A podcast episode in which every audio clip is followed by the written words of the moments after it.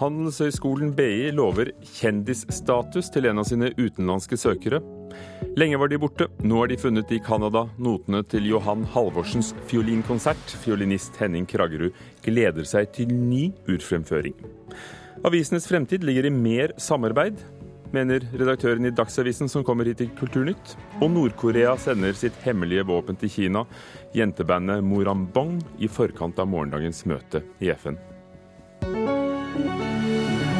Dette er blant sakene i Kulturnytt i Nyhetsmorgen her i NRK. I kampen om å få flere utenlandske studenter går Handelshøyskolen BI nye veier. I en stor reklamekampanje lover skolen en av søkerne berømmelse og profilering i reklamer og nasjonale medier. På litt over én uke er filmen blitt vist over én million ganger i over 140 land.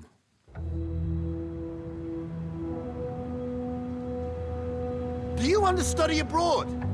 Det er en knallhard konkurranse på det internasjonale markedet om å kapre oppmerksomheten til da internasjonale studenter, og hvor de da tenker at de skal studere. Eh, og det å få oppmerksomheten til disse studentene er eh, tanken med kampanjen. Markedssjef Arne Velleberg ved BI vil ha flere utenlandske studenter til skolen sin. For å klare det lanserte de i forrige uke en storstilt kampanje på nett. Her lover de en av de utenlandske studentene bl.a. profilering på reklameplakater i Oslo, minst 20 000 følgere på sosiale medier, TV-dokumentar og annonser i aviser og livsstilsblad. Are you single? We've already booked you a spread in a woman's magazine. Or a men's. Or both, if you want. This is Scandinavia. We don't judge. Til nå er kampanjen vist over én million ganger på YouTube og Facebook i 141 land. Det er over all forventning. Hovedmålet her var jo at dette skulle bli en viral kampanje, hvor man fikk kjennskapen til BI. Eh, Det føler vi at vi allerede har nådd. Eh, Og den responsen med kommentarer og delinger i sosiale medier eh, tilsier at vi faktisk allerede kan si at det har vært en suksess for oss. Men andre norske økonomiutdanninger er usikre på om dette er veien å gå. Viserektor Helge Torbjørnsen ved NHH i Bergen sier at de heller bruker pengene på andre ting. Vi ønsker jo primært at de skal komme hit av faglig eh, interesse, og at det er eh, kvaliteten på undervisningen og forskningen på NHH som, eh, som trekker. Og Da bruker vi eh, markedsføringskanaler, men i, i, mye mindre grad, mye mer beskjedent enn det BI gjør. Så De få kronene vi bruker, de bruker vi på stort sett å forbedre undervisning og forskning, og litt mindre på, på droner og helikopter. Gitt at vi er, et, er en veldig kjent merkevare i Norge, men veldig lite kjent i utlandet, så fant vi ut at vi måtte kommunisere på en litt annen måte for å få oppmerksomheten, rett og slett. Og rektor ved Markedshøgskolen, Trond Blindheim, etterlyser mer informasjon om hva BI kan tilby, og mener kampanjen først og fremst når de som allerede har et forhold til skolen.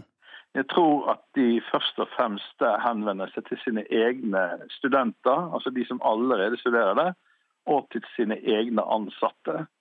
Så jeg tror nok det at det er de som de har hatt i baktankene når de har laget dette. Så er vi altså bedriftene de holder sånne kickoff, og direktører og rektor og andre kommer frem og snakker om hvor gode vi er. og sånn. Så det er jo på en måte litt av den allmenne terapien som må til for at folk skal holde ut. Uansett har BI oppnådd mye av det de ønsker. Til nå har over 2000 utlendinger søkt om å bli den utvalgte. Så lover markedssjef Arne Velleberg at de skal gjøre sitt beste for å gjøre vedkommende kjent. Nå skal vi gjøre alle disse tingene som, som vi sier at vi skal gjøre i filmen. Og det vil jo skape en del oppmerksomhet til den personen, og så skal vi selvfølgelig ivareta den personen sånn at den personen ikke blir kastet ut i et rotterace.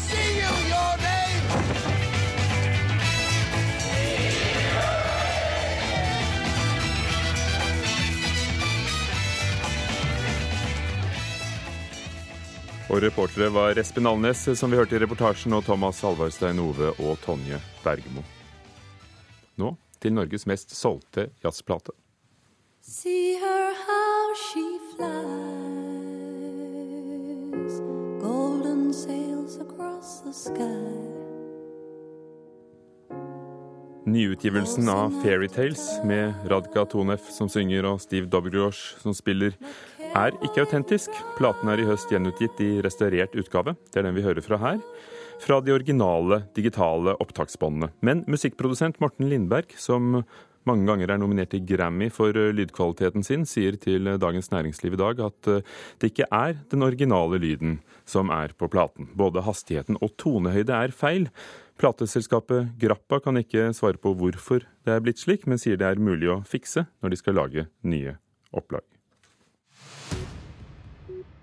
I dag skal styret i Skipsted behandle planer om å øke samarbeidet mellom Aftenposten, Bergens Tidende, Stavanger Aftenblad og Fedrelandsvennen ytterligere. NRK har vært i kontakt med både Skipsted-styret og tillitsvalgte i mediehusene, men ingen ønsker å kommentere hva disse planene går ut på, før de legges frem overfor ansatte i neste uke. Eirik Hoff Lysholm, sjefredaktør og direktør i Dagsavisen. Du har skrevet en kronikk hvor du spår hva medieåret 2016 vil bringe. Hva vil det bringe? Det vil nok bringe mer og flere typer samarbeid, tror jeg. Vi må gjøre det vi kan for å eh, tilby fullverdige produkter, sjøl om eh, kanskje det blir færre folk som skal produsere dem. Er du ikke redd for å utvanne identiteten og innholdet i de forskjellige avisene? Ja, Nå er jo jeg heldigvis ikke ansvarlig for den prosessen i Skibsted, så det vet jeg ikke. Men for Dagsavisens del så har det jo vært eh, viktigere å overleve enn noe annet. Og hvis vi hadde blitt så mye tynnere som produkt, så hadde vi nok ikke overlevd. Og eh, vi har dermed kjempa for å tilføre journalistikken noe mer. To små redaksjoner kan produsere et fullverdig produkt, f.eks. For, eksempel. for dere samarbeider jo med Fremtiden i Drammen, Moss Dagblad, Rogalands Avis eh, og Dagsavisen samarbeider kommersielt med Nettavisen. Eh, hva er utfordringene? Nei, altså det finnes mange mange utfordringer i mediebransjen. Eh, jeg mener at løsningene ligger i den type samarbeid som, som det vi har her. Eh, hvis du ser litt sånn inn i eh, glasskula, ser du langt fram i tid, så kanskje om ti år så ville man, hvis man fortsetter en nedskalering, så vil en avis som i dag har 50 journalister, bare kanskje ha ti igjen. I en sånn situasjon så tenker jeg at det er jo viktigere kanskje at man blir lest. Og er du en redaksjon på ti personer som skal produsere et fullverdig produkt, så kan det bli veldig lite. Men er du en del av et samarbeid med f.eks. VG, så kan det bli stort. Ja, Vil det kunne gått an for deres del, f.eks.? Å samarbeide med, med en avis fra et helt annet konsern?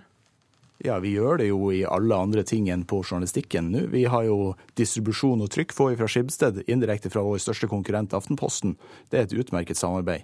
Jeg tror at vi må finne den type løsninger på mange områder. Hvorfor skal vi ha mange digitale systemer og infrastrukturer i Norge i et så lite språkområde og et så lite land. Jeg tror at vi må finne sammen overalt. Er det også en politisk tanke bak? At uh, når de forskjellige kommersielle aktørene samarbeider, så kanskje det blir lettere å sikre pressestøtte eller lignende ting som momsfritak i fremtiden? Så langt har jeg ikke tenkt. Jeg har nok uh, hele tida forsøkt å legge strategier som gjør oss mindre sårbare for uh, pressestøtten, og dermed øker de kommersielle inntektene. Eh, du tror det vil tvinge seg frem for mange. Eh, hvordan har det gått for dere egentlig, etter at dere begynte å, å, samarbeide mellom andre aviser i konsernet? Det kan jeg gi et klart svar på. Jeg kunne ikke ha stått i dette studioet i dag hvis ikke vi hadde gjort det, for da hadde denne avisa gått inn for fem år siden. Vi hadde 24 millioner i underskudd i 2009 og starta denne prosessen i 2010. Vi har mye høyere omsetning i dag totalt på disse utgavene enn vi hadde alene, og vi taper ikke penger i en sånn skala lenger som da. Eh, både Fagbladet Journalisten og, og bransjebladet Kampanje har skrevet om Skipsteds planer eh, uten at noen her vil si noe. Vi har jo også prøvd. Eh, men, men de har hatt et prosjekt gående i konkurrerende, det konkurrerende mediehuset for, deg, hvor de vurderer ulike samarbeid. Journalisten sier at det ikke skal ligge an til en full sammenslåing av de forskjellige regionavisene. Men, men hvordan ville du gjort det hvis, hvis det var der du var sjef? Nei, altså vi, eh, vi, har nok et tettere samarbeid enn det de kanskje har behov for, uten at jeg vet hva slags type utredninger de gjør nå. Men, men det, dette er jo gjennomført i andre land enn i, i, Norge. Det er jo bare at Dagsavisen har gjort det først i Norge som en, liten, eller en relativt liten aktør. I USA så gjør USA Today et tett samarbeid med 35 aviser, og det var tradisjonelt den største papiravisa i eh, USA og kan sammenlignes med Aftenposten. Takk skal du ha, Eirik Hoff Lysholm, sjefredaktør og direktør i Dagsavisen. Musikkbibliotekarer i Canada har funnet de over 100 år gamle notene til Johan Halvorsens eneste fiolinkonsert, noter som alle har trodd var borte. Fiolinist Henning Kraggerud forbereder en slags ny urfremføring av verket, som ikke er blitt spilt for et publikum siden 1910.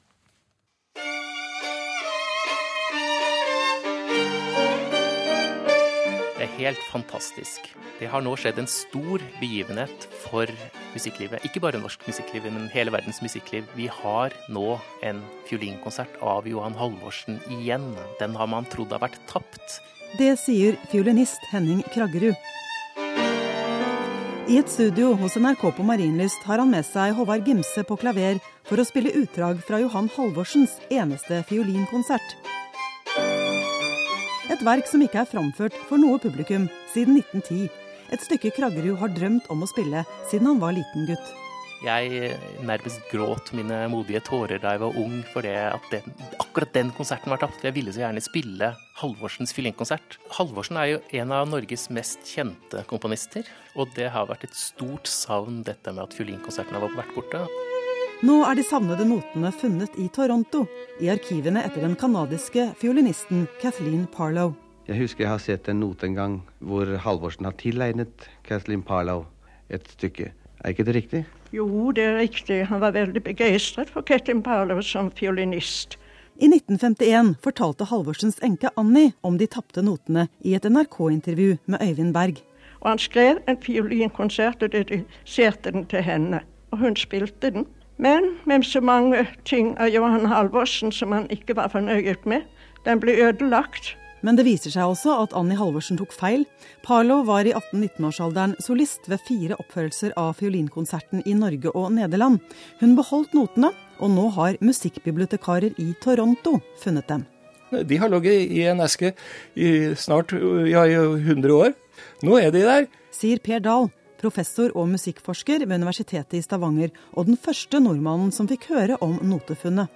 På en kongress i New York i sommer møtte han tilfeldigvis noen musikkbibliotekarer fra Toronto, som gjorde oppdagelsen da de forberedte en utstilling om Parlow. Johan Halvorsen var jo en ualminnelig god fiolinist. Og han var jo dirigent, og egentlig også en god komponist, men han levde jo litt i skyggen av Grieg og Svendsen og hadde nok en veldig stor uh, kritisk sans overfor sine egne verker. Men jeg tror nok at uh, ut ifra det vi har sett nå når vi har begynt å lese i partituret, så kommer det til å bli en, en av de viktigste fiolinkonsertene i det norske repertoaret. Han etterlater seg mest teatermusikk, så han var jo en av Norges største fiolinister først. Så det at han da har etterlatt et sånt stort verk, det er jo ganske fantastisk. Sier musikkviter og Halvorsen-ekspert Øyvind Dybsand ved Universitetet i Oslo. Han mener funnet er et viktig bidrag til den nasjonale satsingen Norsk musikkarv. Ellers så er det jo ikke mange fillingkonserter å velge blant heller, fra den romantiske perioden. Så det burde bli et solid tilskudd til dem. Når vi nå har begynt å spille litt på materialet og se, så er det jo perle på perle av utrolig fine ting der. Sier fiolinist Henning Kraggerud.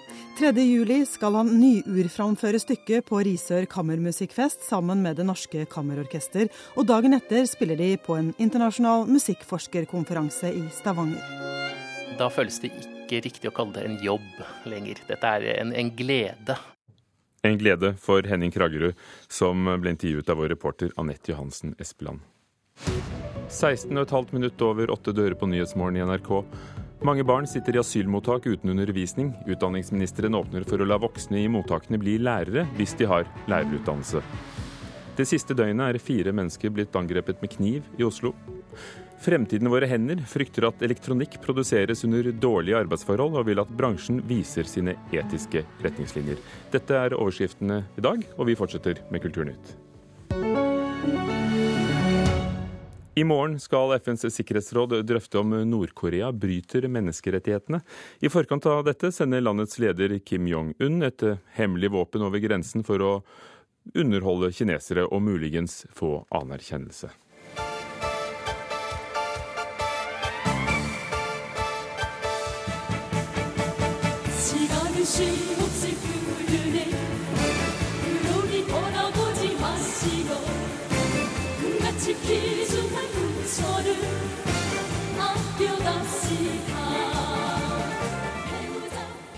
Dette er jentebandet Morambong, dannet av Kim Jong-un selv, som skal ha håndplukket de syngende pikene. Asia-korrespondent Peter Svaar, kan du beskrive, er du snill?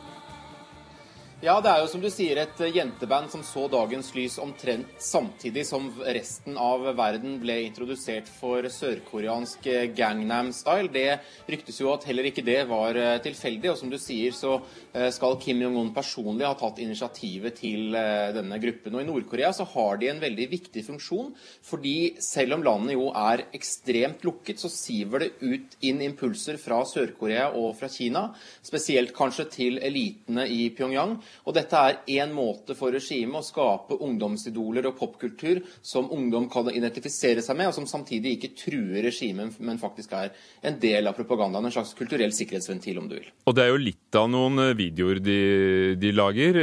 Bak, bak, dem på scenen så er det filmer av raketter som skytes ut og hele kloden eksploderer, eller, eller flittige bønder som dyrker eh, jordene. Og så blander de nasjonalistiske sanger med, med Frank Sinatra og, og elektriske fele. Du var selv nylig i Nord-Korea. Ble du utsatt for eh, popprinsessene? Ja, jeg ble tvunget til en eh, til sammen fire timer lang konsert med disse jentene. Idet vi satte oss i flysetet på nordkoreanske Air Koreo her i Beijing, så spratt det en liten videoskjerm ned fra taket. Og Der ble det sendt opptak av eh, Moranbong-konserter med ganske høy lyd på høyttaleranlegget i flyet under eh, hele flyvningen. For øvrig var det, som du nevner, en veldig imponerende TV-produksjon som de åpenbart har leid inn utenlandsk hjelp til. Det var store LCD-skjermer, krankameraer. Jeg vil si at det på mange måter var på høyde med en norsk eh, Grand Prix-finale, teknisk sett. Men så vekslet de jo da mellom stramme, hvite marineuniformer og korte miniskjørt, og med da bilder av jagerfly og rakettoppskyting skytinger fra ubåt og, og, bilder av Kim Jong-il og Kim, Kim Il-sung, ikke minst. Så det var jo ingen tvil om eh, hvilket land vi var på vei til da mens vi satt i flyet der. Jeg ser det nordkoreanske nyhetsbyrået eh, kaller det for et verdensberømt stilig band som setter standarden ideologisk og kulturelt, og nå skal de altså spille i, i Beijing. Hvordan står det til eh, i forholdet mellom de to landene? Ja, Det går jo ikke så veldig bra. I dag er jo eh, faktisk eh, FNs menneskerettighetsdag. Og det er i dag, når USA står opp om noen timer, at FNs sikkerhetsråd skal eh, ta opp Nord-Koreas menneskerettighetsbrudd som et formelt punkt på agendaen. Det er et FN-panel som har sagt at Nord-Korea er skyldig i forbrytelser mot menneskeheten. og det er menneskerettsgrupper som vil stille Nord-Korea for krigsforbryterdomstolen i Haag. Dette blir jo etter alle solemerker blokkert av vetomakten maktene Kina og Russland. Eh, Kina er veldig viktig for Nord-Korea i den forbindelse, og også eh, landets viktigste alliert, største handelspartner. Uten Kina så stopper Nord-Korea fullstendig opp. De kan ikke handle biler og teknologi fra noen andre land pga. sanksjonene. Eh, og så har det vært mange episoder i det siste som har satt forholdet på en ekstra prøve. F.eks. nordkoreanske grensevakter som har rømt over til Kina og skutt landsbyboere langs grensen på jakt etter mat. Vil eh, dette kulturelle propagandafremstøtet få noe å si for, for eh, storpolitikken, tror du? Nei, det tror jeg egentlig ikke. Men det er klart at Nord-Korea legger veldig stor vekt på Eh, denne propagandaen. De bruker utrolig mye penger på det. Eh, det er jo en musikkvideoer som Morambong lager som jeg tror de fleste norske artister ville blitt ganske misunnelige om de hadde den type penger i ryggen. Men jeg tviler nok på at dette har særlig mye å si for uh, politikken og for hvordan Kina vil forholde seg til Nord-Korea. Der er det andre faktorer, kanskje særlig landets atomprogram og dets fremtid, som spiller inn. Takk skal du ha, Peter Svaar, vår eh, Asia-korrespondent eh, i Beijing, og fra Nord-Koreas Morambong til eh, det som ble en veldig viktig stemme under den arabiske våren.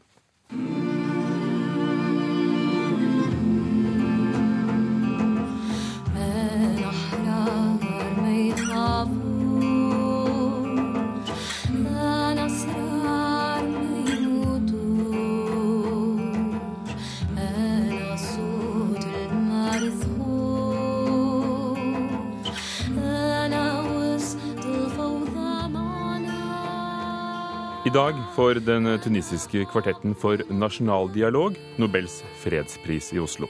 Emil Matloti, som vi hører fra her, skal stå på scenen. Hun var ønsket av prisvinnerne selv og skal spille denne låten, som for mange ble en kampsang, som, eh, som altså betyr 'Mitt ord er fritt', Kelmet Hora. Alexandra Arketti Stølen, festivalsjef i Oslo World Music Festival. Hvilken rolle spilte disse tonene? Altså, ML ble på en måte selve symbolet på frihet. Denne sangen ble jo veldig kjent. Eh, hun opptrådte a cappella eh, bare to dager etter at regimet falt i 2011. Og, eh, og en YouTube-video, altså amatørvideo, ble jo spredt på nettet.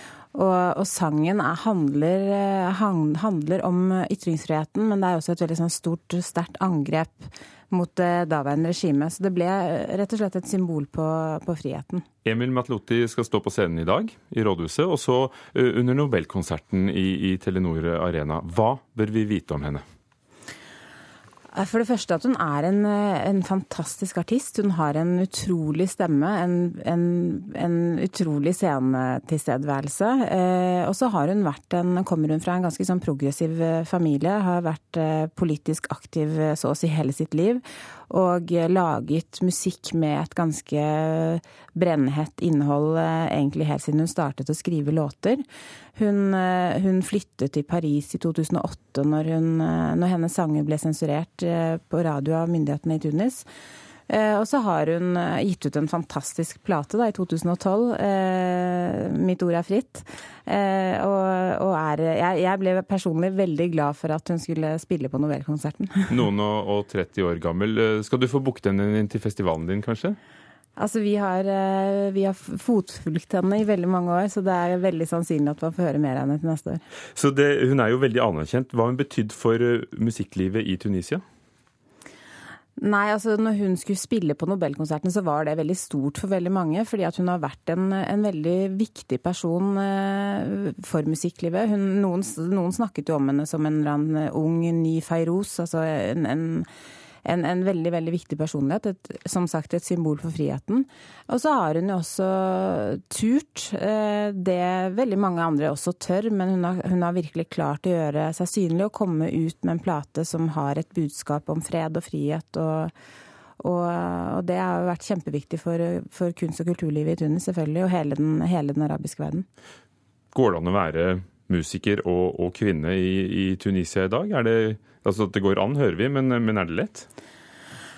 Eh, det går an, men, eh, men, det er ikke lett. Og, og, det kommer nok veldig an på hva slags type musikk du lager. Eh, lager du politiske sanger eller driver på med rapp, eh, graffiti, eh, den typen ting, så, så, er det nok litt vanskeligere enn for en artist som f.eks. Anwar Brahem. Takk skal du ha. Alexandra Arketti Stølen, sjef for Oslo World Music Festival. Og så vet vi litt mer om Emil Matloti, som står på scenen senere i dag under utdelingen av Nobels fredspris. På en måte skal det fortsatt handle om fredsprisen. Han kalte meg Malala er ukens dokumentarfilm, og den eneste premierefilmen på kinoene denne uken. Filmen om eh, Malala vekker og sjarmerer vår anmelder Einar Gullvåg Staalesen. Malalas far oppkalte datteren etter Malalai, en nasjonalhelt av ei jente som ofret livet i kampen for frihet og kvinners rett til skolegang. Which simply means that it's better to live like a lion for one day than to live like a slave for 100 years. Det er bedre å leve én dag som løve enn som slave i 100 år, sa hun som ofret seg. I filmen er det utsagnet gjort til motto for Malalas kamp. He named me Malala. Hele familien er med i denne filmen. Moren er mest tilbaketrukket. Det sies at det skyldes at hun kommuniserer dårlig på engelsk. Mor begynte også på skole som barn, men hun solgte skolebøkene for godterier, får vi vite. Jeg kunne tenke meg at mer av dialogen og monologene var på familiens lokale pakistanske dialekt. Det ville ha styrket virkeligheten i filmprosjektet. Det er ikke slik her at vi blir i tvil om noe av innholdet, men mer bruk av originalt språk ville gitt en annen valør til de kritiske røstene som hevder at det ikke er noe spesielt med Malala. Hun er ei vanlig jente som har slukket av til England. Atal Khan Yusuf Saeed, I'm waiting for you to take breakfast. Ja, hun er ei vanlig jente, forstår vi på de to yngre brødrene. In home, she's so wanted. I'm not violent. I would request my brother Not to say any bad thing about me. He should only praise me. I just play with them. I fight with them. Hun er voldelig hjemme, sier den eldste og smiler. Hun blander seg i slåsskampene mellom brødrene. Han yngste sier at hun redder ham ut av brorens sterke grep, men så tar hun meg med på sitt eget rom og klapser meg på kinnet når ingen ser det. When my brother's fighting with me, you come and uh, rescue me. When I go to your room, you slap me there as well. That's kind of confusing. Det er et uttrykk for kjærlighet, sier Malala. It is a sign of love. How much sweet and cute you are for me. That's why I give you just a slap on your face. Filmen slutter med Nobels fredspris, med noen oppsummerende bilder. Hederen og hyllesten er med, men den er ikke hovedsak.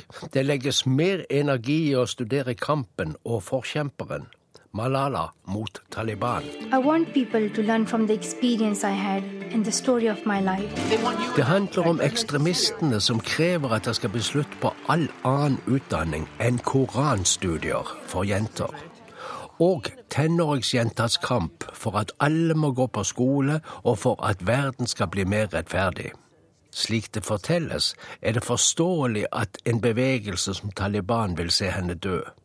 Hun var brysom den gangen soldatene var i ferd med å lykkes, da de skjøt Malala og to klassevenninner. Hun er mer brysom nå. Denne filmen som Thomas Newman har laget, gjør henne enda sterkere. He Named Me Malala, han kalte meg Malala, har premiere denne uken på kinoer i Norge. Og i ettermiddag, norsk tid, kunngjøres nominasjonene til Golden Globe-prisene. Prisene som de utenlandske journalistene i Hollywood deler ut hvert år, nesten like store som Oscar-statuettene. I forkant trekker mange eksperter frem The Revenant, med Leonardo DiCaprio og Christopher Joner i noen av rollene som av de, en av de sterkeste kandidatene til beste film. Kulturnytt var ved Gjermund Jappé, produsent, og Ugo Fermarello, programleder.